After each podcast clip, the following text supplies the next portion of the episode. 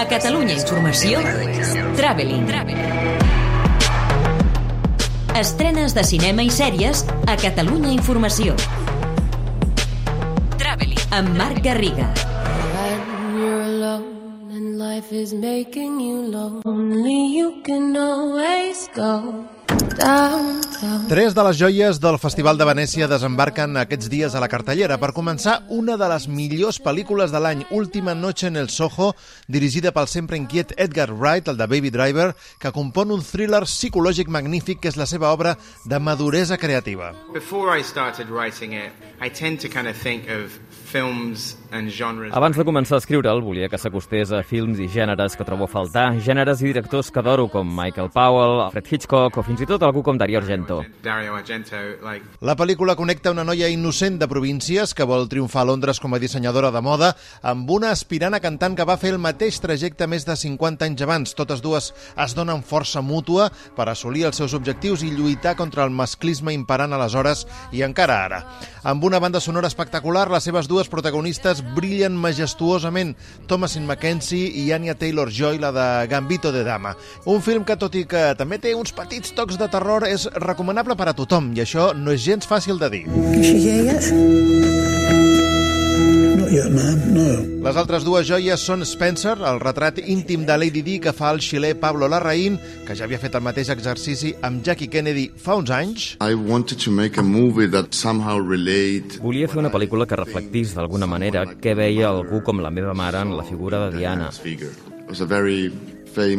Era una icona a molts nivells, per la fama, per la bellesa, però quan més la investigava més m'adonava que l'envoltava un gran misteri. I El poder del perro, un western que suposa el retorn per la porta gran de la directora del piano, Jane Campion.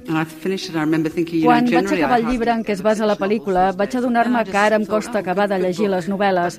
Vaig pensar que era un bon llibre i prou, però aleshores, durant setmanes, em tornaven a venir al cap escenes i temes que tracta. No el podia oblidar i em vaig adonar que és un text que aprofundeix molt bé la psique dels seus personatges i que és molt diferent.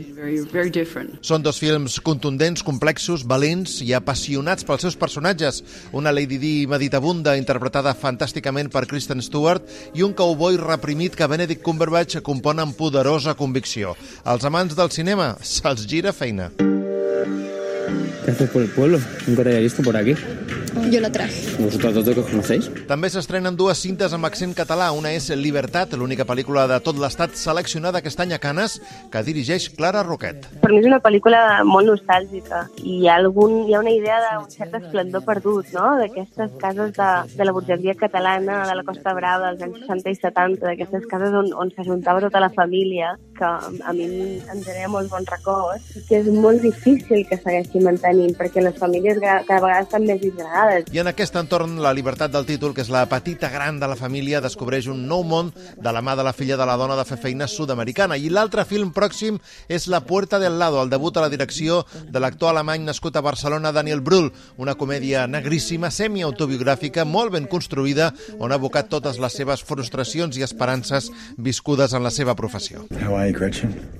It's all over town that you're reopening the investigation. Completen la cartellera l'australiana Años de sequia, un film policial que manté l'interès de principi a fi, la nord-americana Antlers, Criatura Oscura, un film de terror sobre possessions sobrenaturals que va competir a Sitges, la irreverent i provocativa Corten, una comèdia queer de Marc Ferrer amb l'estrella transformista La Prohibida com a protagonista, i la cinta d'animació russa que s'estrena també en català, Kikoriki Deja Vu. So what brings you back from the dead?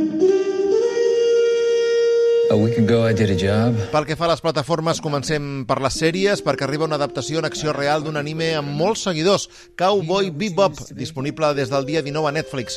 Un exercici poc reixit que perd credibilitat, ritme i humor pel camí. Amazon Prime aposta per l'adaptació de la saga d'èxit La Rueda del Tiempo, una saga plena de màgia i fantasia que aquí mostra diverses costures, tot i que els fans del gènere poden sentir-se prou recompensats, mentre Movistar Plus estrena Yellow Jackets, una bona sèrie comèdia d'intriga i supervivència protagonitzada per Juliette Lewis i Cristina Ricci, que no és perfecta, però que s'aguanta prou bé.